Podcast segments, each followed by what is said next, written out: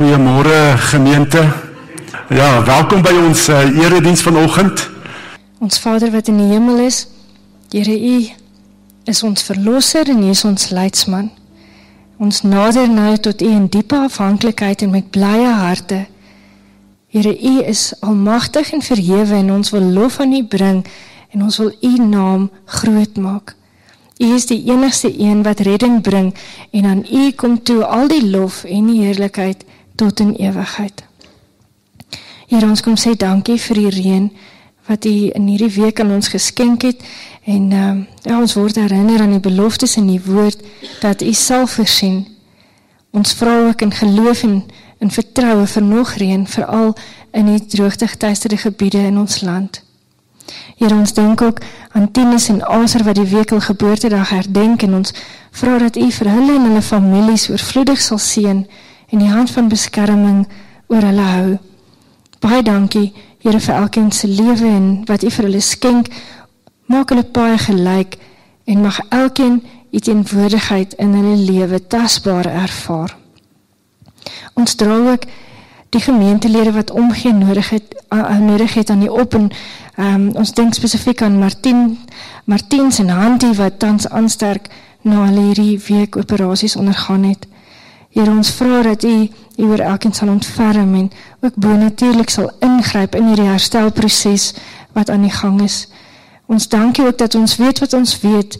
By U Here is alles moontlik en ons vertrou net op U as ons groot en almagtige geneesheer en vertrooster. Hier ons dink ook aan die aan die leerders en die studente wat regmaak om uh, met eksamens te begin en ons vra dat U hulle sal vul met nuwe lewenskrag sodat hulle sal volhard met hulle studies in hierdie tyd. Dankie vir die vermoëns wat jy aan elkeen gegee het en Here ons vra ook dat jy hulle sal vul met met 'n vrede wat alle verstand te bowe gaan. Mag hulle ook onthou en weet dat jy sal hulle nooit verlaat of in die steek laat nie. Dis ook met groot dankbaarheid in ons harte wat ons terugdink aan gister se pretdag, 'n pretdraf en potjiekosdag. Here, dankie vir die geleentheid en vir elkeen wat hierby betrokke was. Dankie dat ons as 'n geloofsfamilie kon bymekaar kom vir al die lekker kuier en die saam lag en vir die lekker eet. Dankie dat U ons hier in Bergrom bymekaar gesit het as 'n geloofsfamilie, as 'n liggaam van Christus. Ons vra ook Here dat U asseblief die gemeente aksies in hierdie week ook sal seën Ons dink aan die gemeente toerusting en die hoërskool kategese byeenkoms vanaand. Uh die Bybelstudie byeenkoms Woensdag, uh ook die verskeie gebedsaksies en dan ook die Heilige Gees bemagtigingsnaweek wat vir hierdie naweek beplan word. Die Kersdiens is ook om te draai en dankie ook Here vir almal wat daarbey betrokke is en opgewonde is daaroor.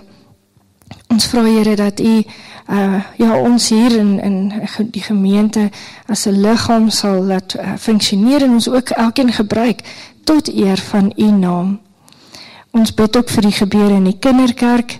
Here, dankie vir die span wat so bereidwillig en diensbaar is in die koninkryk. Ons dankie vir elke kind wat deel is daarvan vir hulle gesondheid en ook die beskerming oor hulle. En Here, so dra ek ook elkeen wat hier sit aan die op. Here, U ken ons harte. U ken ons gedagtes, ons bekommernisse en ons seer.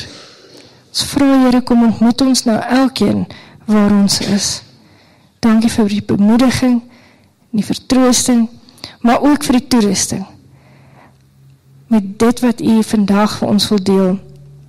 Bid dat U vir Stefan sal seën en dat U hom sal bemagtig deur die Gees om U boodskap vir ons oor te dra. Ons dankie dat U Heilige Gees altyd met ons is en ons bid dit in die kosbare naam van Jesus Christus alleen. Amen. Ja, ons lees ehm um, Lukas 15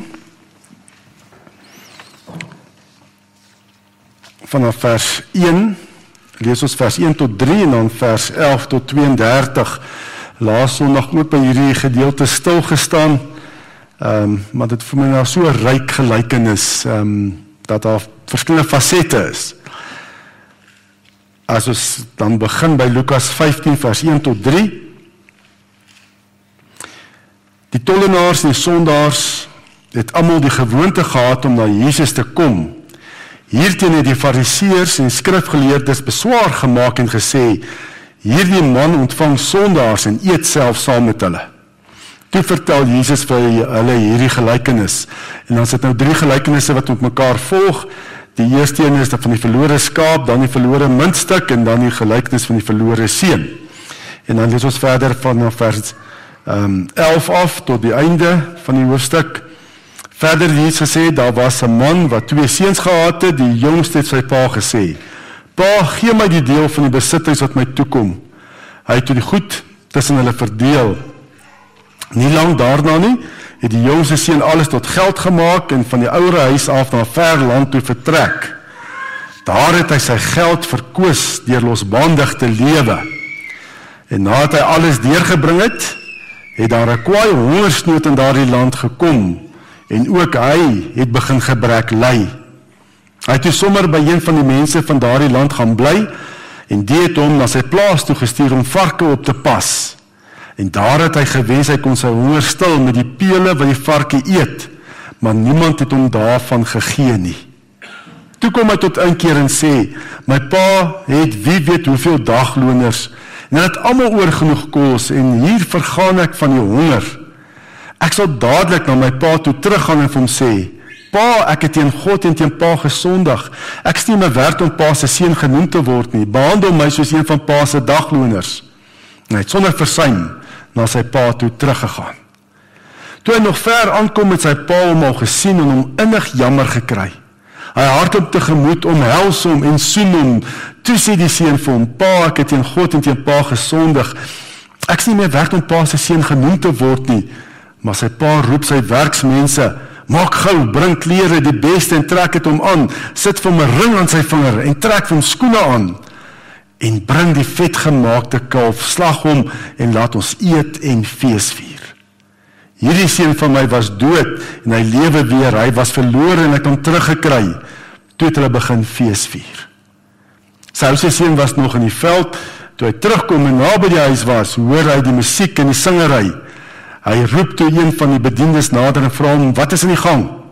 Die bediende antwoord: "U broer het gekom en die pa en die pa het die vetgemaakte kalf geslag omdat hy hom behou en gesond teruggekry het. Toe die oudste seun kwaad geword en hy wou nie in die huis ingaan nie. Sy gaan, sy pa gaan toe uit en praat mooi met hom, maar hy antwoord: "Kyk, al die jare werk ek soos 'n slaaf vir pa. Nog nooit het ek 'n opdrag van pa verontagsaam nie en vir my pa nog nooit eers 'n bokkie gegee sodat ek saam met my vriende kan fees vier nie.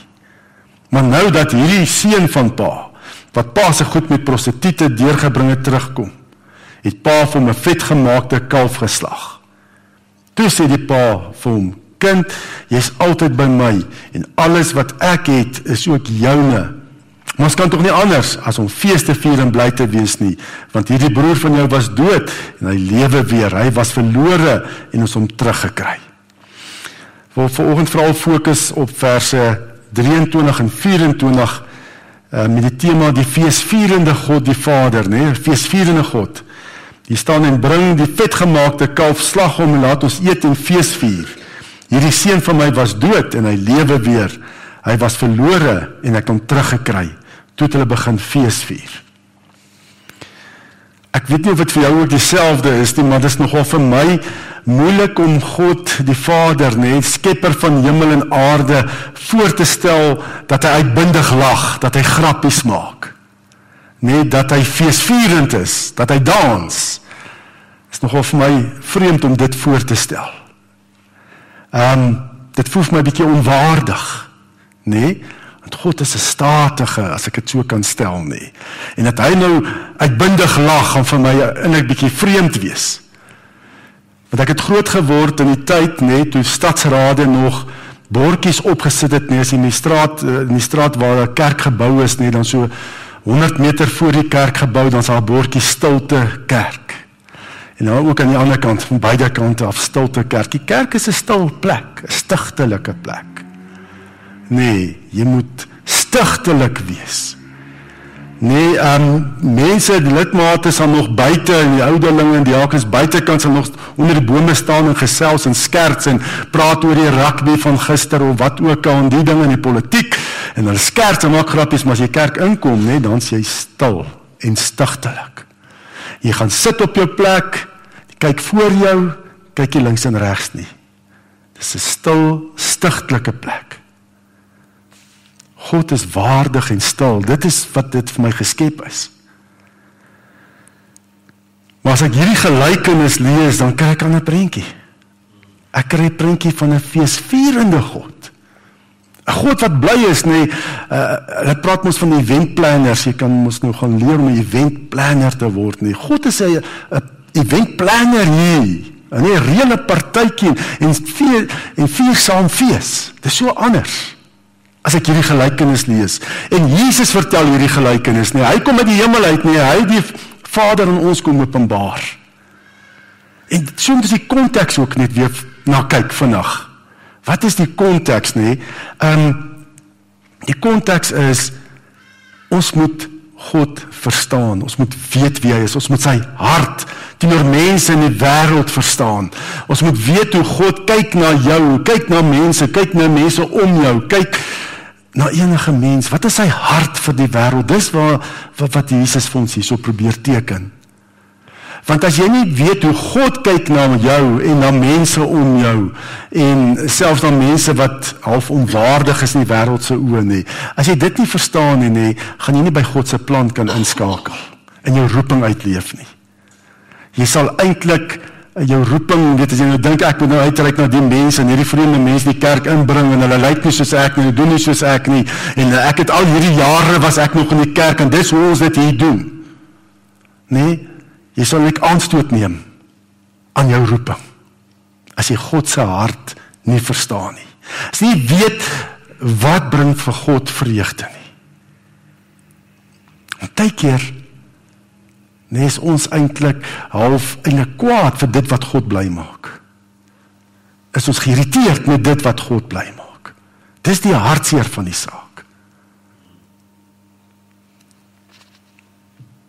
En Jesus kom my openbaar vir ons God se Vaderhart. Teenoor mense, want die mense in daai tyd het ook aanstoot geneem oor wat Jesus doen. Hoe hy sy roeping uitleef wat God die Vader hom gegee het. Net daar dit staan mos dit is waarmee hierdie gedeelte begin. Ehm um, daai Lukas 15 vers 1 en 2, die tollenaars en sondaars het almal die gewoonte gehad om na Jesus te kom luister. Hier teen die fariseërs en die skrifgeleerdes beswaar gemaak en sê hierdie man ontvang sondaars en eet selfs saam met hulle. Weet volgens hierdie geestelike leiers uh van die kerk in die Ou Testament nê was dit ongehoord en onaanvaarbaar dat iemand wat sê hy kom van God af, wat sê ek's 'n rabbi, 'n leermeester van God, dat hy met hierdie mense meng. Jy doen dit nie. Dit pas nie by 'n rabbi nie. Hy kan nie 'n rabbi wees nie, want hy meng met hierdie uh, sondaars nê, met hierdie ehm um, ja, met die tollenaars en die sondaars. En wie was hulle? Hulle was die sosiaal uitgeworpenes van die dag, nê. Nee, dit was die armes gewees, dit was die veld wat die die die die skaapwagters gewees, dit was die prostituie gewees. Dit was die vrouens en kinders, nê. Nee, vrouens en kinders nie veel geag in daai tyd nie. Wat Jesus ook hulle posisie kom herstel het. Nee, dis hy sosiaal uitgeworpenes, nê. Nee. Jy meng nie met hulle nie. En Jesus sê hy's 'n rabbi. Maar eet hy nog saam met hulle? Wat beteken dit? Beteken ek aanvaar jou, ek vergewe jou. Ek en jy is een. Ek dat as totale aanvaarding, vergifnis. Hoe kan dit wees? En dan antwoord Jesus met hierdie drie gelykenisse. Wat ons 'n kykie gee in God se hart. Wat maak God die Vader bly? Nee, die verlore skaap. Die verlore muntstuk en die verlore seun. En dan staan daar aan die einde van die vorige twee gelykenisse, wat maak God bly? Net so sal daar in die hemel blydskap wees oor een sondaar wat hom bekeer eerder as oor 99 mense wat reg doen en nie bekering nodig het nie. En net so is daar blydskap onder die engele van God oor een sondaar wat hom bekeer, die einde van die tweede gelykenis, net die verlore muntstuk. Ja, dit is dit is wie God is. En dan die verlore seun, nee, ons het gesê al laas Sondag, die opskrif is eintlik verkeerd gaan nie oor die verlore seun nie, gaan oor God se Vaderhart. Dis waaroor hierdie gelykenis gaan. Dis hoekom Jesus hierdie gelykenis vertel. Nee, hoe God Sy vaderliefde oor oor die verlorenes, vreugde het oor verlorenes verworpenes wat weer terugkeer na hom toe. Ons weet die storie van die jongste broer. Die jongste broer vra sy erfdeel. Wat beteken dit? Hy wenslik sy pa is dood. Hy wil geen seggenskap meer hê van sy pa oor sy lewe nie. Geen seggenskap nie. Sosiaal of of of uh, finansiëel glad nie. Hy wens sy pa deel, gee my deel. En dan staan die pa die versoek toe. En dan mors hy sy geld op, nee sy pa, die erf, hy mors dit op. Hy beland in die varkhok. Diepste ellende. Nee, nadat hy sy geld met prostituie en wat ook al deurgebring het. En hy besluit dan kom ek keer terug. Kom ek gaan terug na my vaderhuis. En ek weet ek is nie eers dis beter om 'n dagloner in my pa se huis te wees. Ek is nie eers meer werd om sy kind te wees nie, maar ek sal 'n dagloner wees. Maar dit is beter as om nie saam met varke te sit. Nee, grootste vernedering vir 'n Jood, want 'n vark is onrein. En dan gaan hy terug. Die pa se reaksie is verrassend. Hy sien van ver af sy kind. So wat die pa het jy gedink aan daai kind van hom? Wanneer kom hy terug? Wanneer kom my kind terug? Hy kyk uit. Kom net terug. Hy verlang na sy kind, nê. En dan hardloop hy. Dan sien hy sy kind van ver af hardloop. 'n Midde-Oosterse pa hardloop nie. Hy's 'n statige mens. Hierdie pa hardloop. Toe hy kind omdraai, hardloop hy na hom. Dis God se vaderhart. So teen ons maniere wat ons dink wat is statig, wat is goed en mooi. Hy omhels sy seun. Hy soen hom. Nee, hy hy gee nie eers kans vir hierdie kind om te sê ek sal net 'n dagloner wees. Hy sal van ignoreer. Hy sê nee man, trek vir hom 'n beste kleed aan. Trek sit vir hom 'n ring aan sy vinger net. Trek vir hom skoene aan. Laat ons fees vier. Dis wie God is. Nee, hy hy nie eens luister. Daar's geen verwyte nie. Weet hierdie seun wou amper nou eers boete toening doen deur eers 'n dagloner te wees en te wys hy's nie Die pa ignoreer dit. Sonder verwyte aanvaar hy sy seun net so weer. En dis wie God is. As ons ook met ons opsetlike sondes wat ons dink eintlik maak of God dood is of hy geen seggenskap oor my lewe het nie nê. Ek weet hierdie ding is verkeerd maar ek beplan dit en gaan doen dit nog steeds nie. Ons maak ook baie keer of God dood is of die Vader dood is. Dis 'n opsetlike sonde. So of die Here nie saam met my gaan daar waar ek daai sonde gaan pleeg nie. Ek wil nie seggenskap van hom hê nie. Ek weet dit is verkeerd, maar ek sal my wil doen. Maar dis hoe God se hart is teenoor ons. Nee, hy begaan oor jou. Selfs daar waar jy varkhok is, daar waar jy besig is met die sondes. Dis God se hart by jou. Sê kom terug my kind. My seun, my dogter. En hy verwyd nie as jy terugkom nie. Hy hardloop, hy omhels, hy soen jou. Hy's vol blydskap oor jou. Daarom het hy sy seun gestuur, Jesus. En Jesus soek al hierdie verstotenis op die sondaars op. Sê kom terug. Die pad is oop na jou Vader. Hy's oop. Draai terug. Ja. En dan veral waarop ons wil fokus vanoggend. 'n feesvierende God. God vier uitbundig fees. As jy terugdraai. Hy beplan 'n partytjie as sy kinders terugkom.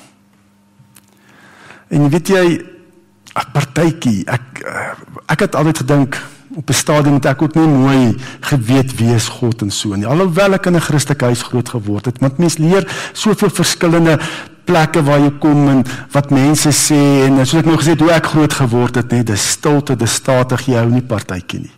En ek alles wat lekker is is sonde was amper my idee gewees. En hier het ons 'n God wat wat fees vier wat partytjie hou en selfs in die Ou Testament openbaar God hom is iemand wat hou van fees vier nee van partytjie hou nee En God in die Ou Testament word gedien deur feesviering. As jy net dink al daai daai feeste in Israel, se jaarprogram. Hy word gedien deur feesviering. Ehm um, byvoorbeeld uh in daai feeste van daai tyd in die Ou Testament net die Jode is nie een partytjie 2 3 ure 'n aand of so iets nie was daar lank gewees baie feeste was vir daar lank gewees die Jode weet hoe om partytjie te hou hoe om feeste vier en uh, toe God hulle voordat hulle red uit Egipte stel hy die Paasfees in Onthou dit, vier fees wat ek jou gered. Daar's baie dinge om oor bly te wees. Baie dinge om oor bly te wees. Vier fees daaroor. En dan lees ons ook by Sinaï by die berg Sinaï, dis waar die Here die wet gee en dat hy klomp bepalinge ingestel nê. Hy het 'n klomp feeste ingestel vir die Jode by Sinaï. En al die feeste was gewoonlik rondom oeste nê. Dat die Here sê dan moet fees gevier word as die oes ingekom het want my seëning was op die produkte van die land. En daarom moet julle dit vier. Al die produkte, die seëning wat ek gegee het, onthou dit. Dis God wat lewe gee, dis hy wat vrug gee, dis hy wat die reën gee. Vier fees. En so is die hele jaar program vol feeste en veral met die oeste gekoppel. En dan ook by Sinaï, uh, verbind die Here hom natuurlik in die verbond aan sy volk. En dan nooi hy vir Moses en die leiers op die berg op, nê, nee, om die Here daar te kom. Hy kom beseël sy verbond met bloed. Ons lees daarvan in Eksodus 24 vers 8 tot 11. Um Moses het toe die bloed gevat op die volk gesprinkel terwyl hy sê dis die bloed van die verbond wat die Here op grond van al hierdie gebooie met julle gesluit het. So die Here verbind hom, hy is teenwoordig by sy volk. En as God teenwoordig is by sy volk, dan daar's 'n rede om fees te vier. Kan ons bly wees want God is by my. Nee, ek dink hy soos Celeste ook gebid het nie, God sal ons nooit verlaat of in die steek laat nie. Hy's by my en daaroor help jy net lang gesig heeltyd rond nie en probeer self boete te doen vir jou sondes. Nie. Jy gaan dit nie reg kry nie want die Here soek volmaaktheid. En daarom het hy mos Jesus gestuur na my as 'n verstoteling as 'n sondaar, tollenaar. Nie ons moet fees vier. Moses en Aaron, Nadab, Abihu en 70 leiers van Israel toe die berg uitgeklim Hy het die God van Israel gesien. Onder sy voete was 'n plaveisel soos safiersteen, so blou soos die hemel self. God het geen hand teen die leiers van Israel gelig nie. Hulle het hom gesien en daarna het hulle geëet en gedrink. En hierdie terme geëet en gedrink nê in Hebreëus nê is terme vir feesvier. Hulle ontmoet die Here. Die Here nooi die hy hy hy verseël sy verbond met die volk met bloed en hy nooi die leiers op die berg op En daar ontmoet hulle die Here. Hulle sien hom. En daarna die Here vir hulle 'n feesmaaltyd voorberei. Hulle het die kos saam, was al nêrens het hulle kos saamgevat nie. Wie was die gasheer daar bo op die berg? Wie die kos voorsien? God. God as Vader. Het vir hulle 'n partytjie gehou daar bo op die berg. As ek dit so kan stel. Fees gevier. Het geëet en gedrink. Want God is by my by ons as volk teenwoordig. Dis absolute rede om fees te vier. Ehm um,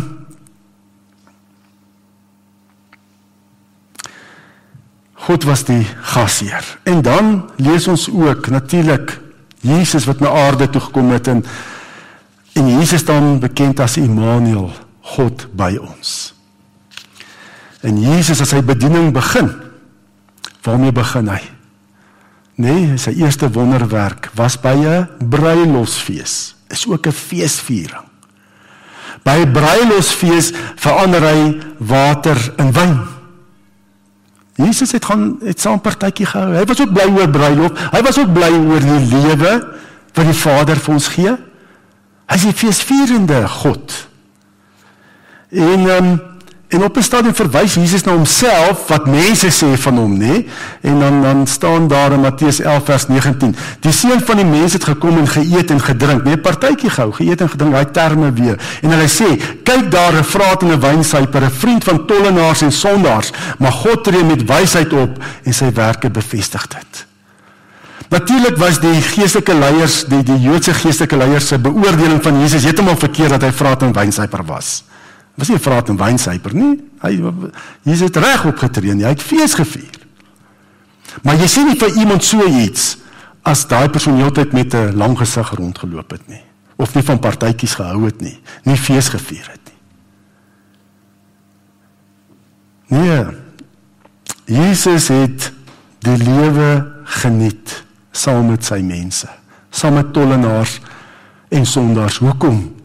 Want hulle word gered. Hulle keer terug na hulle hemelse Vader. Hulle ontvang die ewige lewe en dit is 'n rede om fees te vier. Hy het uitben uitbundig fees gevier. Ek dink 'n groot probleem is ook ek weet nie ek het al te veel seker ek weet nie wat rooms-katolieke skilderye van Jesus is nie nê julle ken mos daai tipiese skildery nê is uh, so half 'n um, uitgeteerde wit man met blonde man uh, met 'n skapie in sy een hand en die ander hand het amper 'n teken soos 'n peace sign of wat ook al Star Wars of wat ook al net te veel sulke skilderye en dan het hy nog 'n heilouer om die kop ook Dit is nie. Ek meen as so iemand by 'n partytjie instap, dan gaan almal huis toe. Nee. So Jesus was nie so nie. Nie hy prentjie nie. Dit was nie dit was nie hy gewees nie. En as God fees vier en dit is dit is die grootste ding eintlik nê. Dis Satan se grootste beskuldiging. Leen van Satan. Wat sê hy? Hy sê God is die kosmos se grootste pretbederwer. En ongelukkig, soos ek groot geword het kerk, het dit vir my so gevoel. Asof God 'n pretbederwer was. God in hier inkom nie, moeskielik stil en stigtelik en en so wees. Dis 'n leuen. Satan sê, hoor sou wil jy alle vreugde en blydskap in die lewe verloor? Word deel van daai Christengroep. Daai val en vervelige ouens. Dis 'n leuen. Ek weet ek het dit gister.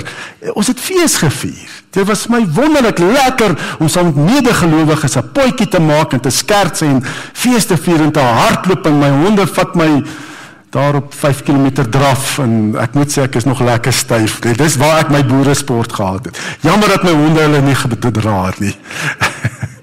ek dink ons moet oorwinnaars vir diere aanbied. maar dit was dit was my so lekker saam met my geloofsfamilie om fees te vier. En ook elke erediens is 'n feesviering.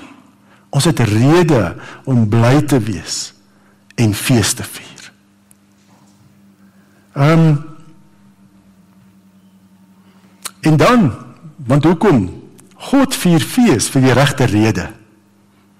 Nie net om beter te voel nie, daar's absoluut rede hoekom daar fees gevier moet word. Ons lees daarvan in uh vers 24. Hierdie seun van my was dood en hy lewe weer. Hy was verlore en ek hom teruggekry. Toe het hulle begin fees vier. Net dit is dit is 'n rede om fees te vier. Ons het rede om fees te vier, die regte rede. Want met elke feesviering wat ons onthou God se goedheid en sy genade. Nee, ehm um, God is goed vir ons. Hy het ons in stand gehou tot nou toe. Hy het hierdie gemeente in stand gehou. Ek vir my het daar vir vir Bergbron ook in die geesteswêreld 'n deurbraak gekom. Toe so 'n paar maande terug toe ek van my verlof af terugkom en daar is 'n 20-jarige bedieningsfeesviering hier. Wat ek nie gereël het wat die gemeente gereël het dat regtig vir my in die gees 'n skuif gekom, 'n verandering gekom na positiwiteit, na eenheid, na omgee vir mekaar en 'n dankbaarheid teenoor die Here. Ek het regtig ervaar. Die feesviering hoe belangrik dit is. Die geesteswêreld maak dit 'n verskil om fees te vier. En in hervorming. Mense wil fees vier. Ons is na God se beeld geskape. Daarom mense wil fees vier. Want God, dis wie hy is. Maar ons het baie verkeerde redes om fees te vier. Veral nou hier aan die einde van Oktober, Halloween. Mense wil fees vier, maar nou kom Satan met sy voorstelle om fees te vier. Wat wat vier Halloween? Dit vier die dood. Ons vier die lewe. En net daarvan gebid ook nie. Dis nou hervorming. Dis 'n rede om fees te vier. Ons moet hier regte redes ook fees vier. Dis 'n rede om fees te vier net dat mense weer teruggebring word na Jesus toe. Want slegs by hom is die verlossing, nie deur Maria of die paus of wie ook al nie. Net dis wat mos daai hervorming, jy kon gaan betaal het vir jou sondes. Daar's geen koevert dik genoeg om vir jou sondes te betaal nie.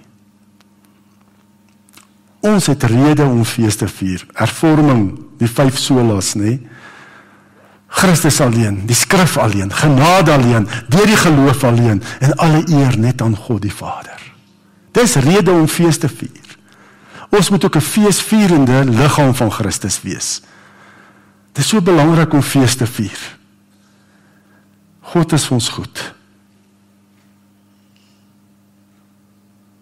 Kom ons keer terug na die Here toe. Met my sonde, my lewe wat nie reg is nie, keer terug. Die pad is oop. Kom lê jou sonde voor die Vader neer. Soos hierdie seun wat kom sê ek het gesondig. En ontvang God die Vader se liefde. Wees bly oor jou verlossing. Daar's genoeg rede om fees te vier. En dan ook as jy so na God die Vader terugkeer, nê, dan word jy 'n genooide gas. Want Jesus se bediening begin met 'n bruilof. Maar wat lees ons in Openbaring, nê? Openbaring 19 dan lees ons ook van die bruilofsmaal van die lam. En jy's 'n genooide gas. Keer terug na die Here toe. Maak hom die middelpunt van jou lewe, die Vader. Ontvang sy liefde in Christus. Gee jouself oor aan hom. En jy word 'n genooide gas van die bruilofsmaal van die lam.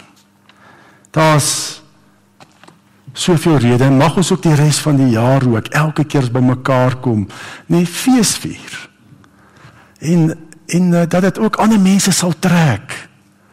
Ek moet sê as iemand vir my sê hoor jy so kom word deel van ons en ons almal sulke lang gesigte en goed. Daar's tye wat my swaar kry, ek stry nie. Ek weet dit.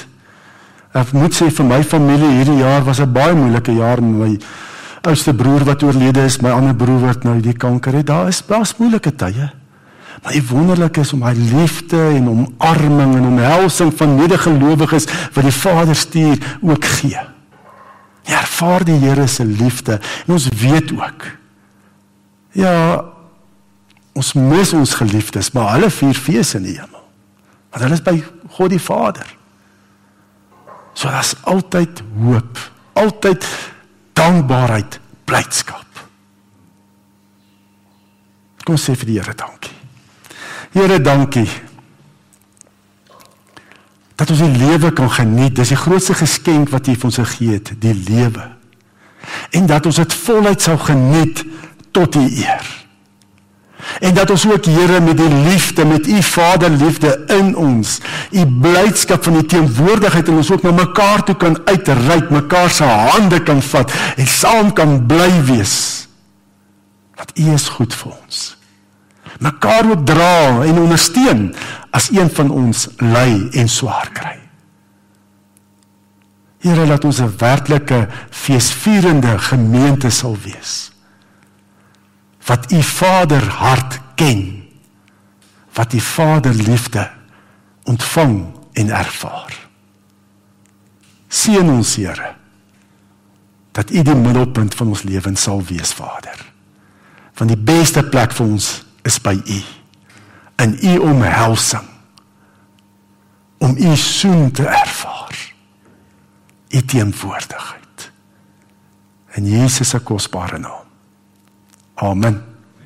Die genade van ons Here Jesus Christus en die liefde van God die Vader en die gemeenskap van die Heilige Gees sal by ons elkeen wees en bly.